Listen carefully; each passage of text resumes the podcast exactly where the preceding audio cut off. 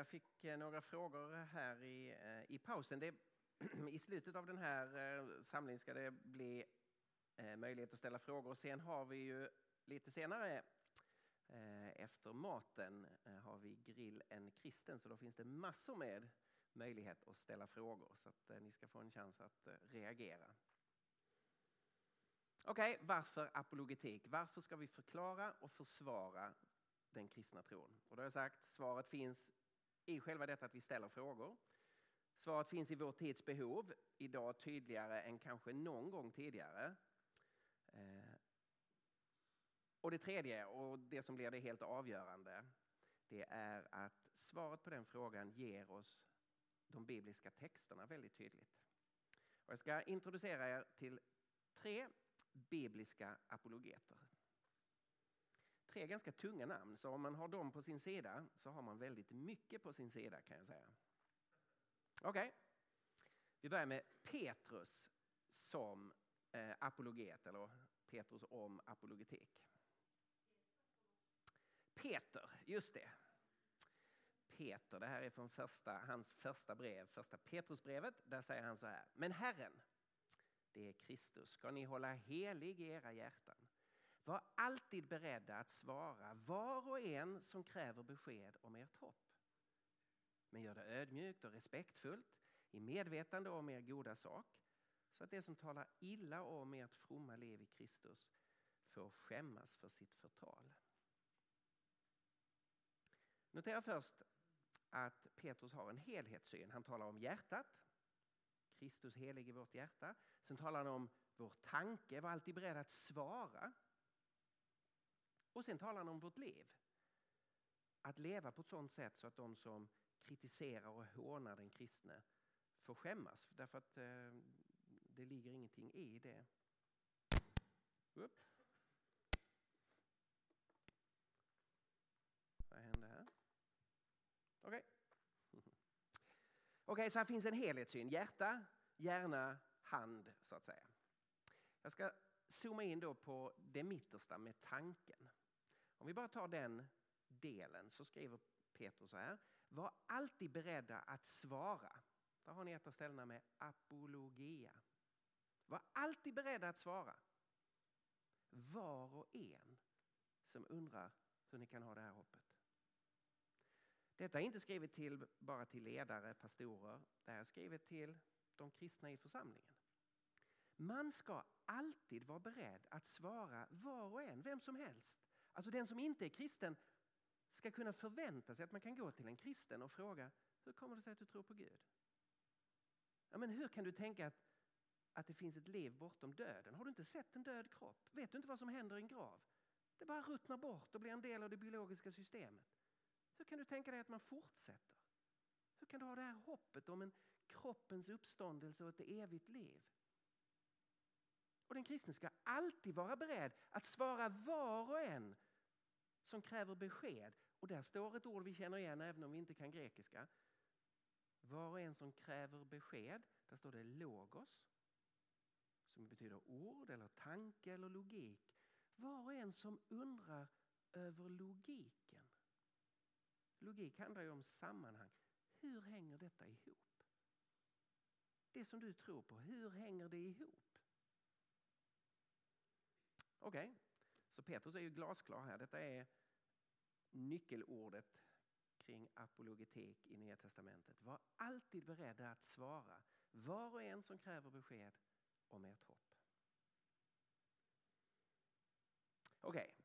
det är bra att ha Petrus på sin sida, men hur är det med Jesus? Var Jesus en apologet? Det är ju faktiskt snäppet högre, tyngre, bättre. Om vi kan säga, här har vi tydlig undervisning från Jesus.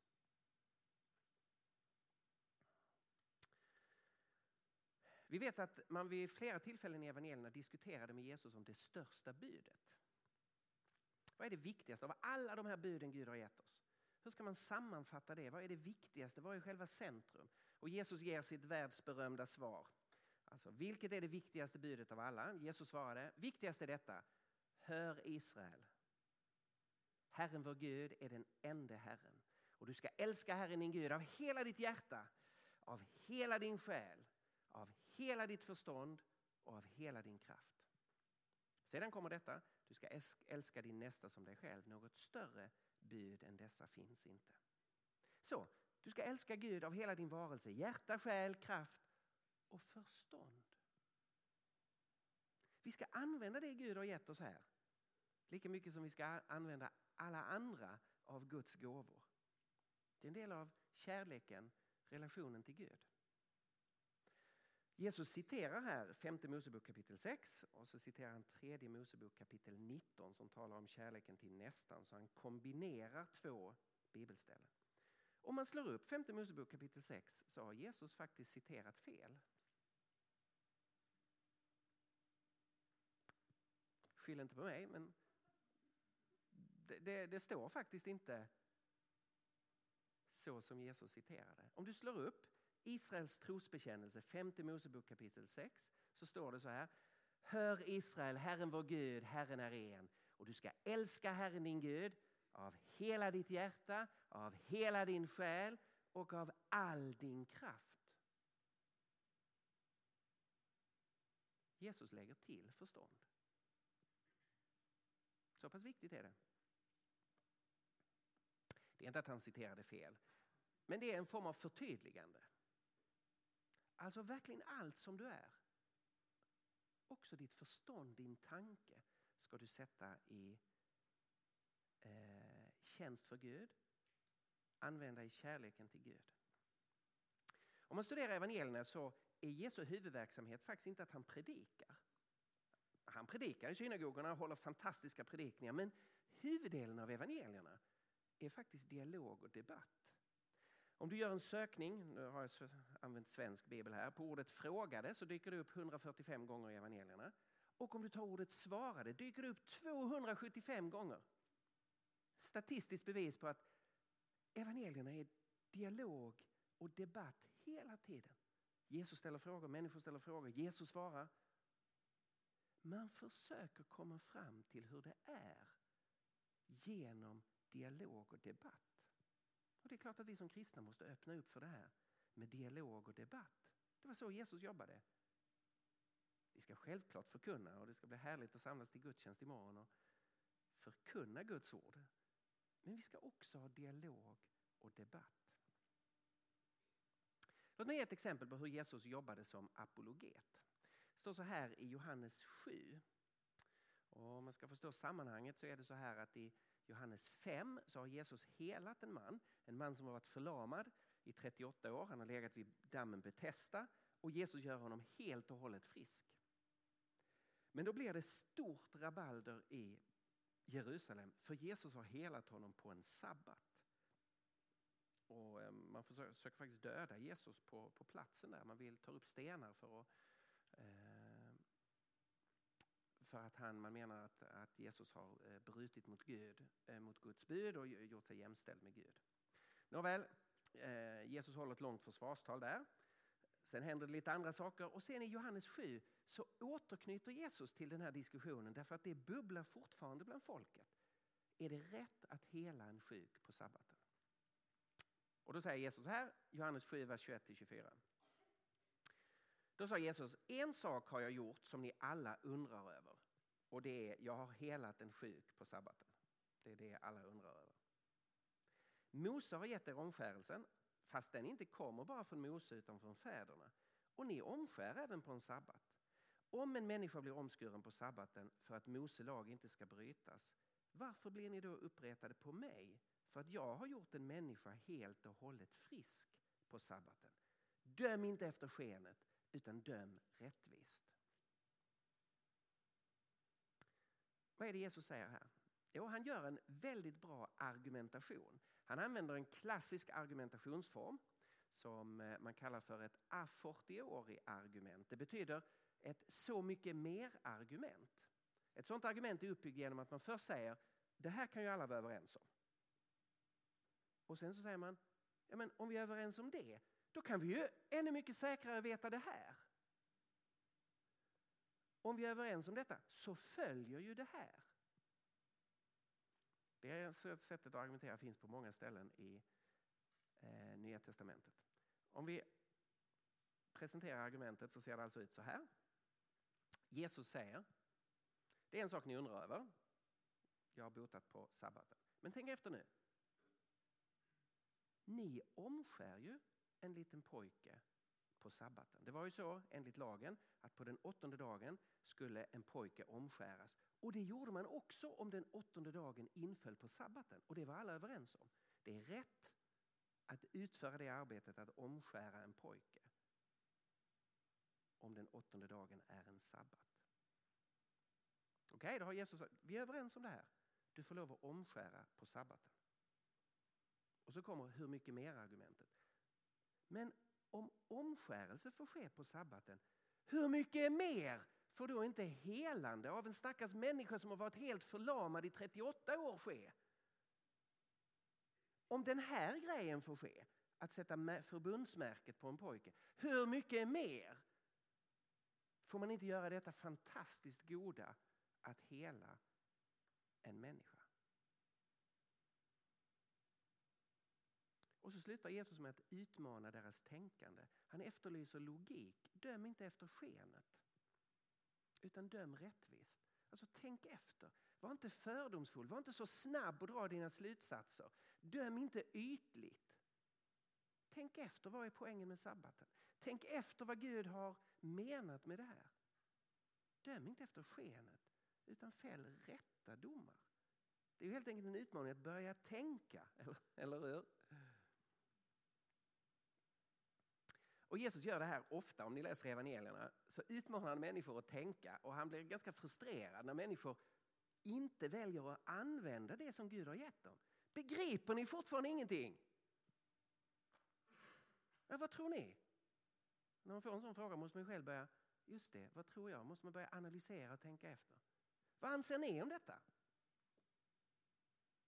Har ni också svårt att fatta Alltså Jesus är inte jätteförtjust i människor som inte använder det de har fått. Man kan ju inte använda mer än det man har fått, förstås. Så det här är inget elitistiskt, men man ska använda det man har fått. Varför avgör ni inte själva vad som är rätt? Varför fattar ni inte vad jag säger? Jesus verkligen provocerar människor att har du verkligen ansträngt dig? Tillräckligt på det här området att försöka förstå. Låt mig ta ett annat exempel. Man förde till Jesus en man som var besatt. Eh, man, mm, man, man förde, sedan förde man till honom en besatt som var blind och stum. Och han botade honom så att den stumme kunde tala och se. Och allt folket slogs av häpnad och sa, är han kanske Davids son? När fariséerna hörde detta sa de, det måste vara med demonernas furste, Belsebul, som den här mannen driver ut demonerna. Okej, okay, Jesus befriar en man. Och så får han den här fruktansvärda anklagelsen. Alltså ingen förnekar att det har skett ett under. Här är en, en eh, blind och stum man fångad av onda krafter. Han blir helt återställd. Han får sin syn, han kan tala och han är befriad från det ondas inflytande. Fantastiskt. Alla ser att det sker. Ingen förnekar undret. Men så kommer Jesu kritiker och ger en alternativ förklaring. Det är inte Gud som har gjort undret. Han är i förbund med djävulen. Det är Belsebul, den onde som verkar. Det övernaturliga har sin källa hos djävulen. Okej, okay. det är ju en hemsk anklagelse. Vad gör Jesus då? Han kunde ju skälla ut dem. Men det gör han inte. Utan han tar upp en väldigt saklig diskussion. Okej, okay, ni säger att det här är med djävulen. Låt oss analysera det. Så här fortsätter texten. Men han visste vad de tänkte och sa till dem. Varje rike som är splittrat blir ödelagt och en stad eller en familj som är splittrad kan inte bestå. Och om Satan driver ut Satan splittras han. Hur ska hans rike då kunna bestå? Alltså, Jesus tar tre bilder som alla handlar om inbördeskrig. Tänk efter nu, ni säger att djävulen har startat inbördeskrig mot sig själv. Tänk efter nu. Om du tar ett land, eller en stad eller en familj där det blir inbördeskrig. Det är ju det värsta som kan hända. Man startar aldrig inbördeskrig mot sig själv. Ett inbördeskrig är ju alltid när det är två grupper i landet eller två grupper i staden eller en familj har gått isär och så bråkar man. För alla vet ju vad som blir resultatet av ett inbördeskrig. Det blir ödeläggelse, det blir total ödeläggelse. Varför skulle Satan ödelägga för sig själv? Det här är ju en idiotisk anklagelse. Det här hänger ju inte ihop. Vem startar inbördeskrig mot sig själv? Märker ni att Jesus här resonerar med dem? Och sen har han ytterligare ett argument. Han påpekar att det här är ett meningslöst universalargument. Alltså det är ett argument som man alltid kan använda mot, mot alla och därför är det inte meningsfullt. Om jag driver ut demonerna med Belsebul, med vems hjälp driver då era anhängare ut dem? De kommer alltså att bli er dom. Men om det är med Guds ande jag driver ut demonerna, då har Guds rike nått er. Alltså fariséerna och de skriftlärde försökte också befria människor från det onda. Och då kan man ju bara säga till dem om de lyckas. När ni gjorde det med djävulens kraft. Det kan man ju alltid säga. Och därför blir argumentet meningslöst. Och Jesus slutar med att säga, ni måste vara öppna för möjligheten att det är med Guds ande som jag gör det här. Och I så fall måste ni börja ta konsekvenserna av det. För i så fall har Guds rike kommit till er. Det här är inte bara en enstaka händelse. Det här är insatt i ett sammanhang som betyder någonting. Okej, okay, det är väl intressant. Jesus skäller inte ut dem. Han går inte bara därifrån. Han tar upp det de säger och så analyserar han det. Och säger, hänger det här ihop? Att djävulen driver ut djävulen? Och visar att det är,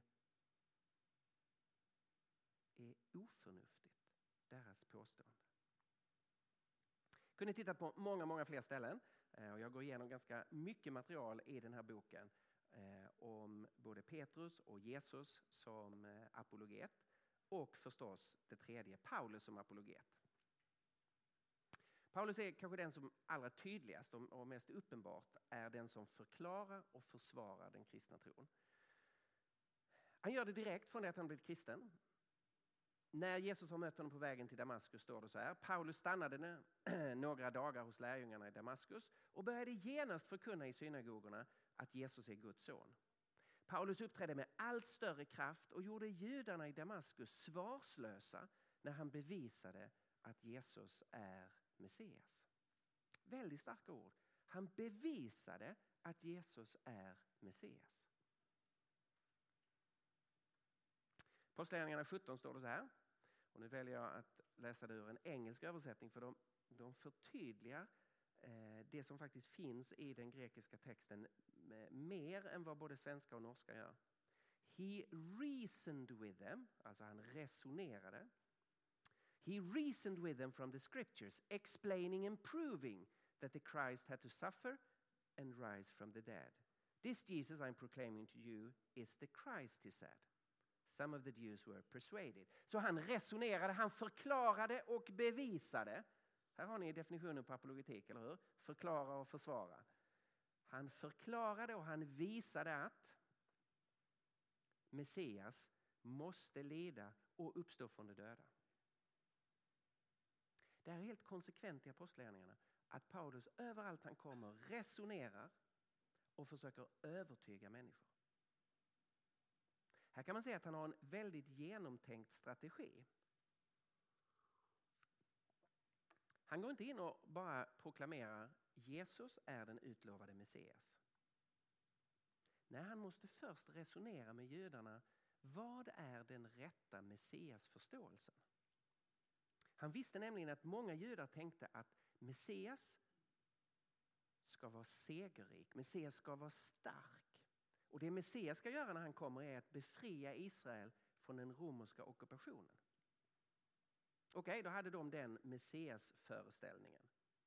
Om då Paulus hade kommit in där och sagt Goda nyheter! Jesus från Nasaret, den korsfäste, är Messias. What? Messias ska ju vara stark, inte svag. Messias ska besegra romarna, inte bli förnedrad och besegrad av dem genom att korsfästas av dem. gå härifrån, din Messias stämmer inte. Eftersom Paulus visste detta måste han lägga upp sin presentation i två steg. Vad är det första han gör? Explaining and proving that Christ, och det är ju Messias, alltså förklara och bevisa utifrån skrifterna att Messias måste lida och uppstå från de döda. Alltså er Messias-föreställning är fel. Och vi vet garanterat vad Paulus har gjort. För Vi kan se från Nya Testamentet vilka ställen som de första kristna använde. Har ni inte läst att Messias ska komma till Jerusalem? Inte på en stridshingst för att mobilisera krig, utan på en åsna. Han ska komma ödmjuk. Har ni inte läst att man ska se upp till honom som man har stungit? Att hans kropp ska bli genomstungen av ett svärd eller ett spjut. Har ni inte läst att Messias ska, ska beskrivas som en som har fått sina händer och fötter genomborrade? Har ni inte läst om tjänaren i Jesaja 53? Att Messias ska göra det som ingen hade förväntat sig. Han ska plågas och ledas bort som ett offerlamm. Och så ska han bära folkets synd. Men Gud ska resa honom upp från de döda. Så han ska se frukt av sitt lidande. Har ni inte läst psalm 69 om att han ska besegra döden? Okej, okay, jag försöker fylla i här vad Paulus antagligen har sagt. Han måste börja med att förklara och bevisa att om vi ska följa skriften väntar vi på en Messias som ska lida, dö och som ska uppstå.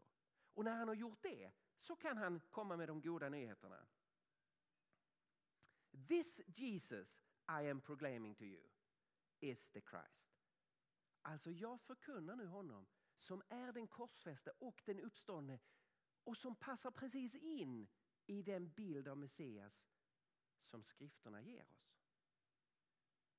Så han förklarar och försvarar den kristna tron och människor i Thessalonike blev övertygade. Vi kunde titta på många ställen. Eh, när han är i Efesos i kapitel 19 så står det i synagogan talade Paulus under tre månader öppet och fritt och försökte övertyga dem om Guds rike. Engelska översättningen skriver He was arguing persuasively about the kingdom of God. Han argumenterade övertygande för Guds rike.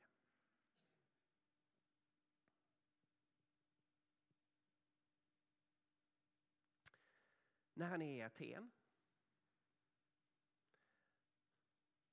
så kommer Paulus, han är i synagogan, talar med eh, judarna och de gudfruktiga där. Men han är också på torget och talar med alla människor som är där. Han är där var dag, söker kontakt med människor, talar om Jesus och uppståndelsen. Då kommer han i kontakt med filosofer. Det står uttalat att han träffar människor som var epikureer och stoiker. Och då kan han argumentera med dem. Han kan inte bara argumentera utifrån skriften, han kan också argumentera utifrån samtidens filosofi. Epikureer var deister skulle vi kanske sagt. De trodde på gudar som hade skapat världen men att gudarna har dragit sig undan. De bryr sig inte om världen. I praktiken var de därför ateister. Sa vi kommer aldrig träffa gudarna. När vi dör är allting slut. Vi finns här för att skapa ett så lyckligt liv vi kan. Hitta så mycket glädje och njutning som möjligt. Väldigt likt en sekulariserad svensk eller norrman som tänker ah, kanske det finns en gud. Vi kan aldrig veta, vi kommer ändå aldrig i kontakt med dem. Nu handlar det om mig och mitt liv. Och sen var det stoiker som tänkte mer panteistiskt, som var andliga och föreställde sig mer att det gudomliga var en del av själva världen.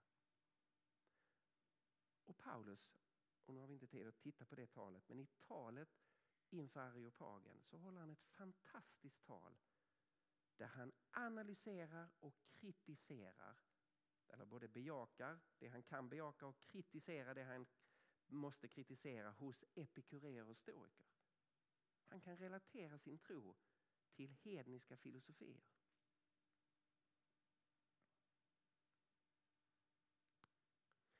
ett sista exempel. Eh, Paulus blir ju fängslad i Jerusalem. Efter en massa intriger förs han ner till Caesarea. Där sitter han i en fängelse, i, i fängelse och han ska egentligen bli frisläppt för han är oskyldig. Men det är en massa juridiska komplikationer och politiskt maktspel. Den romerska myndigheten vill hålla sig väl med det judiska ledarskapet. Därför vill de inte släppa Paulus. Eh, till slut så väljer Paulus att vädja till kejsaren. Och då måste, då måste Festus, som är den ståthållare som håller Paulus fängslad, han måste skriva ett brev till kejsaren och förklara varför han själv inte har lyckats lösa det här rättsfallet och förklara situationen med Paulus. Och då behöver Festus hjälp. Och det menar han att han kan få när den judiske kungen Agrippa kommer på besök. Eh, Agrippa var jude, han har med sig sin syster Berenike. Och Festus vill att de ska träffa Paulus så att Paulus får berätta sin story för dem och sen att Festus kan hjälpa, eh, Agrippa kan hjälpa eh, Festus att skriva det här brevet till kejsaren. Okej, okay, då får Paulus hålla ett tal. Han berättar sin story om hur han har förföljt de kristna, hur Jesus mötte honom på vägen till Damaskus, hur Jesus sände honom att förkunna evangeliet och att evangeliet handlar om och så kommer han in på själva budskapet att Messias måste lida och att han som den första som uppstod från de döda ska förkunna ljuset både för vårt folk och för hedningarna. Och när han kommer till den punkten så reagerar Festus han som är värd för hela tillställningen.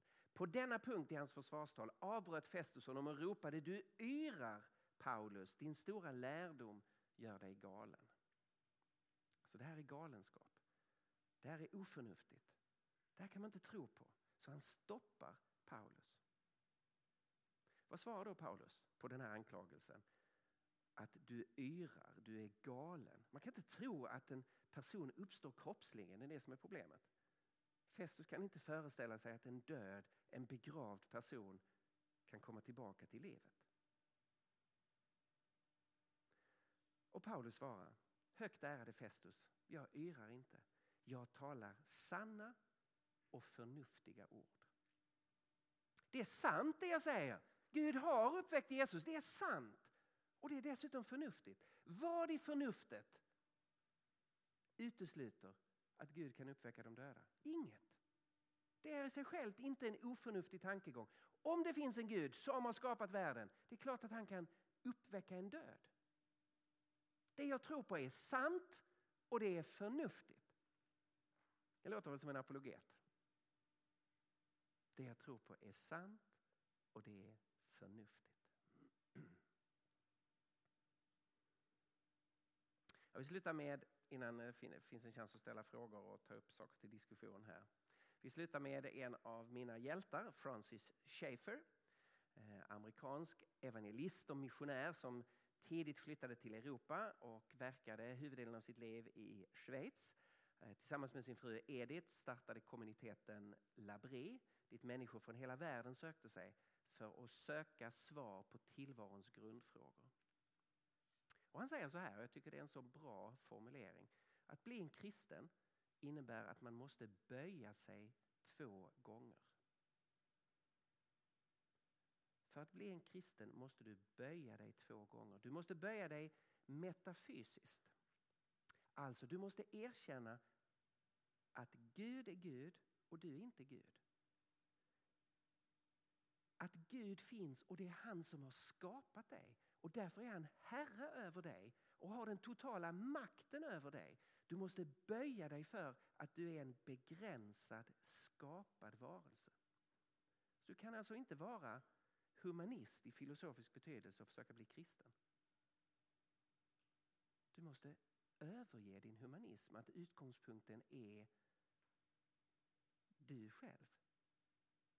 Du måste böja dig inför detta faktum att det finns en Gud som är utgångspunkten, som har skapat dig och som därför har all rätt över dig och ditt liv. Och för det andra så måste du böja dig moraliskt och erkänna att du har brutit med den Gud som har skapat dig. Och att du därför har en sann moralisk skuld som du själv inte kan åtgärda. Och att du därför behöver det som Jesus har gjort för dig på korset. Om du inte böjer dig på de två områdena kan du aldrig bli en kristen. Du måste böja dig metafysiskt och erkänna att det finns en Gud och därmed inta den, din position under Gud. Och du måste böja dig moraliskt och erkänna att du har ett problem inför Gud som du själv inte kan lösa. Och i den situationen kommer evangeliet som är fantastiskt goda nyheter att Gud genom Jesus Kristus har löst det problemet åt dig och du kan få ta emot den lösningen. Okej, okay, man kan inte bli en kristen utan de här två punkterna.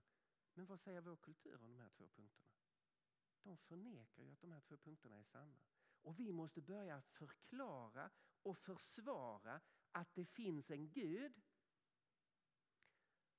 och att människans problem inte bara är sociologin, vad omgivningen har gjort med oss. Utan att vi faktiskt också har ett moraliskt problem inför Gud. Så är vi det minsta intresserade av evangelisation, att evangeliet ska vinna framgång i vår tid, så behöver vi börja jobba med apologetik. Vi behöver göra det som de första kristna gjorde och låt mig sluta med det vackra citatet. Christianity was victorious because the early Christians outlived, outthought and outdied the world around them. Kristendomen kan bli segerrik i västerlandet igen. Men då måste vi hitta tillbaka till de spår som gjorde kristendomen segerrik från början. Och det är vad jag har försökt skriva om i den här boken. Okej, okay, vi har eh, eh, några minuter för eh, frågor, invändningar, respons på det här. Eh, jag vet det var någon som frågade mig i pausen här som jag sa att det är en så viktig fråga så ta upp den för oss alla. Ja?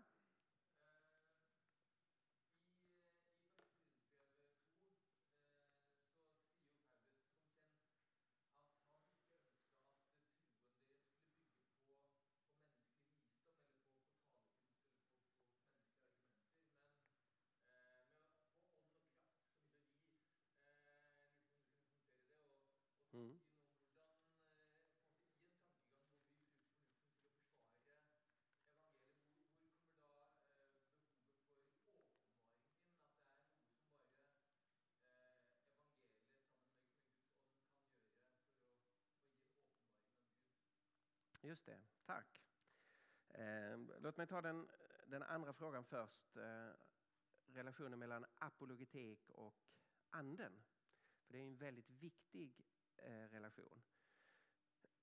I, ehm, i, I all mission, evangelisation, så är vi ju helt beroende av att den heliga ande utför ett verk i människors liv. Vi kan aldrig göra en annan person till kristen genom våra argument eller genom vårt vittnesbörd eller genom vårt liv. Utan det är ju alltid ett verk av anden och därför behöver man vara beroende av den heliga ande. Och be i sitt inre, eh, heliga ande, öppna den här personens eh, ögon och sinne och hjärta och vilja. Men det är inget argument mot apologetik. Alltså min predikan kan ju aldrig göra någonting kristen om inte den heliga ande använder min förkunnelse. Så jag som predikant måste ju vara beroende av den heliga ande. Men vi hör aldrig någon som säger, nej men vi ska inte predika. Vi ska bara lita på anden. Utan där har vi alla fattat att jo, vi ska predika och så ska vi när vi predikar lita på att anden använder vår predikan. Och på precis samma sätt ska vi tänka om apologetik. Alltså vi ska förklara och försvara vår tro. Och sen måste vi vara beroende av den heliga ande och erkänna att det är inte våra argument som leder en människa till tro. Men den heliga ande kan använda både mitt vittnesbörd, min predikan om jag har den kallelsen, eller ett resonemang, ett argument för att hjälpa en människa att, eh, att upptäcka Kristus. När det gäller första Korintierbrevet så är det ett brev som väldigt ofta är missförstått. Eh, och du citerade just det, det sammanhanget som man ofta eh, missförstår, att Paulus säger att jag kom inte till er eh, med, eh, med vishet. Det enda jag ville veta av när jag var hos er var Jesus Kristus, den korsfäste Kristus. Och då tolkar människor det som att Paulus inte använde apologetik. Men jag har precis visat att det gjorde Paulus hela tiden i Apostlagärningarna. Det låter inte som en rimlig tolkning. Jag har ett, ett helt kapitel om första Korintierbrevet hur vi ska förstå det i boken. Eh, därför att det är så pass viktigt. Vad är det Paulus går emot här i första Korintierbrevet? Det är inte vishet eller förståndet. Om man fortsätter att läsa i första Korintierbrevet så säger han ni ska inte vara som barn när det gäller förståndet utan fullvuxna till förståndet. Så Paulus vill att vi ska utveckla förståndet. Nej, man måste läsa det här noggrant och det har med bakgrunden i Korint att göra. I Korint så var retoriken högsta mode. Och det hade utvecklats till en konstart, till ett, ehm, en form av teaterkonst. Att man briljerade med hur elegant man kunde kommunicera. Hur man kunde ha en åhörarskara som jag har här och så manipulera åhörarskarans känslor och få en grupp människor att tro eller tänka eller känna det som kommunikatören ville att man skulle tro eller tänka eller känna. Och det blev som en sport. Eh, människor uppträdde som artister och visade hur de kunde påverka en grupp människor. Det är det som Paulus är emot. Så om jag citerar det lite slarvigt, om man citerar ordentligt vad som, vad som står här så säger Paulus här, när jag kom till er bröder var det inte med förkrossande vältalighet. Det är alltså den manipulativa retoriken som Paulus tar avstånd ifrån.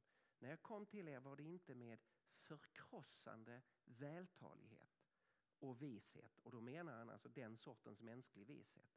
Utan han kom med budskapet om Kristus som har ett givet innehåll och som man aldrig av kommunikationsmässiga skäl får ändra det innehållet. Det handlar om Jesus, hans död och hans uppståndelse. Paulus har redan, det här är kapitel 2, eh, vers 1 och 2. Han har redan i vers 17 i kapitel 1 varit inne på det här. Där säger han, Kristus har inte sänt mig för att döpa utan för att förkunna budskapet. Men inte med en vältalares vishet. Ser är det inte vishetet utan vältalighetens vishet som Paulus är kritisk mot. Alltså den manipulativa retoriken. Det här var en stor diskussion i antiken. Det var många filosofer som var kritiska mot hur retoriken hade utvecklats. Att den blev manipulativ. Inte till hjälp för att förstå ett budskap utan den kunde användas för att lura folk. Och det är alltså det som Paulus tar avstånd ifrån. Notera när han sen i, det finns ju ett känt uttryck här i vers 18 där Paulus säger eh, talet om korset är en dårskap. Och det är också ett sånt ord som så ofta missförstås. Så säger människor talet om korset är en dårskap, därför ska vi inte argumentera för vi kan inte förstå det förnuftsmässigt, men vi tror på det i alla fall. Men Paulus säger inte att talet om korset är en dårskap. Utan det han säger är att talet om korset är en dårskap för de som går förlorade. Alltså att människor påstår att det är dåraktigt, de som avvisar det. Men i sig själv är budskapet om Kristus Guds kraft till frälsning och Guds vishet. Därför ska vi som kristna aldrig säga att talet om korset är en dårskap, för det är det inte. Det är vad världen säger. Vi ska inte hålla på och predika vad våra kritiker påstår om vårt budskap. Nej, vi ska predika det som Guds ord säger att budskapet är. Och det är att talet om korset är Guds kraft och Guds vishet. Den djupaste visheten. Så här har vi lite hemläxa i den kristna församlingen att faktiskt läsa första Korintierbrevet på ett, eh, ett riktigt sätt. Okej, okay. kan vi ta en fråga till så lovar jag att jag ska svara kort på den frågan om det finns, finns någon fråga eller reaktion till. Yes?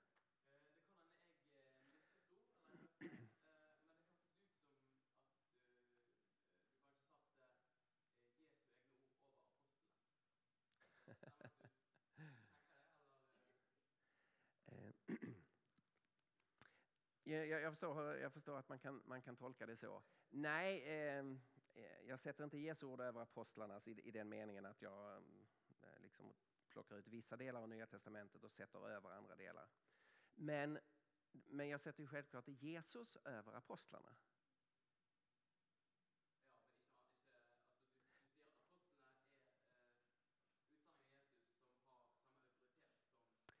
Just det. Om, om du ställer det här som en, en bibelsynsfråga, om jag tror att eh, det som apostlarna har gett oss som undervisning, om det är, är sant, eh, så svarar jag på den frågan. Att de var utsedda av Jesus, eh, eh befullmäktigade av honom att, eh, eh, att kommunicera och uttolka Jesu budskap.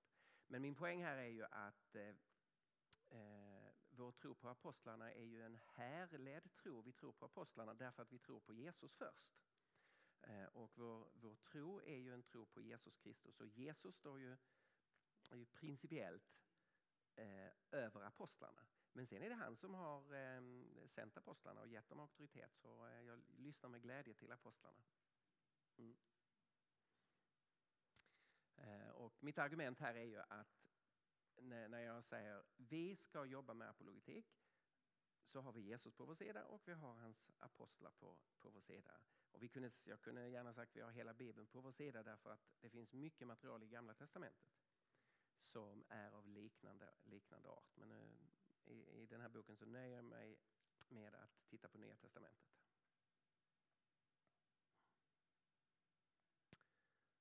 Ehm, Okej, okay. jag tror det är dags för mat, eller hur?